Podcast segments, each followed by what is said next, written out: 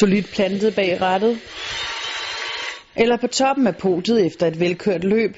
Ja, det er sådan, vi kender Kevin Magnussen allerbedst. Jeg har faktisk ikke været her siden starten af den her sommer. Ikke desto mindre findes der også en anden side af den unge racerkører, når det en sjældent gang bliver til en pause fra bilen. Det bliver spændende at se, om jeg kan ramme bold.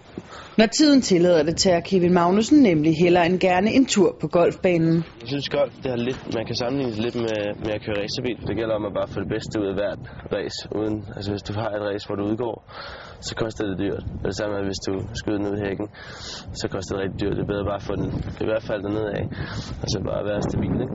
Skal vi prøve at se, om jeg kan ramme? Netop stabilitet er også vigtigt på racerbanen, selvom det ikke kan gøre det alene.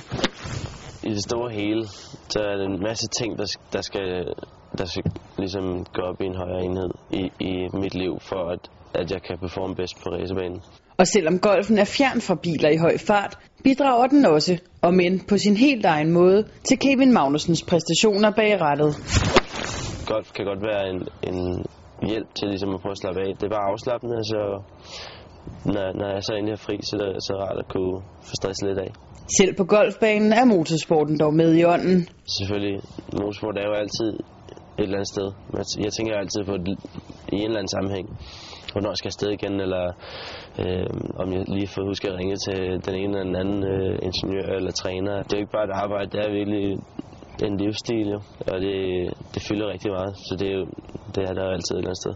Men når den dag oprinder, hvor Kevin Magnussen har kørt sin sidste omgang på racerbanen, er han ikke i tvivl om, hvad han så skal bruge sin tid på. Så står jeg rigtig gammel med min rollator derovre og prøver at skyde den med af. Det tror jeg helt sikkert.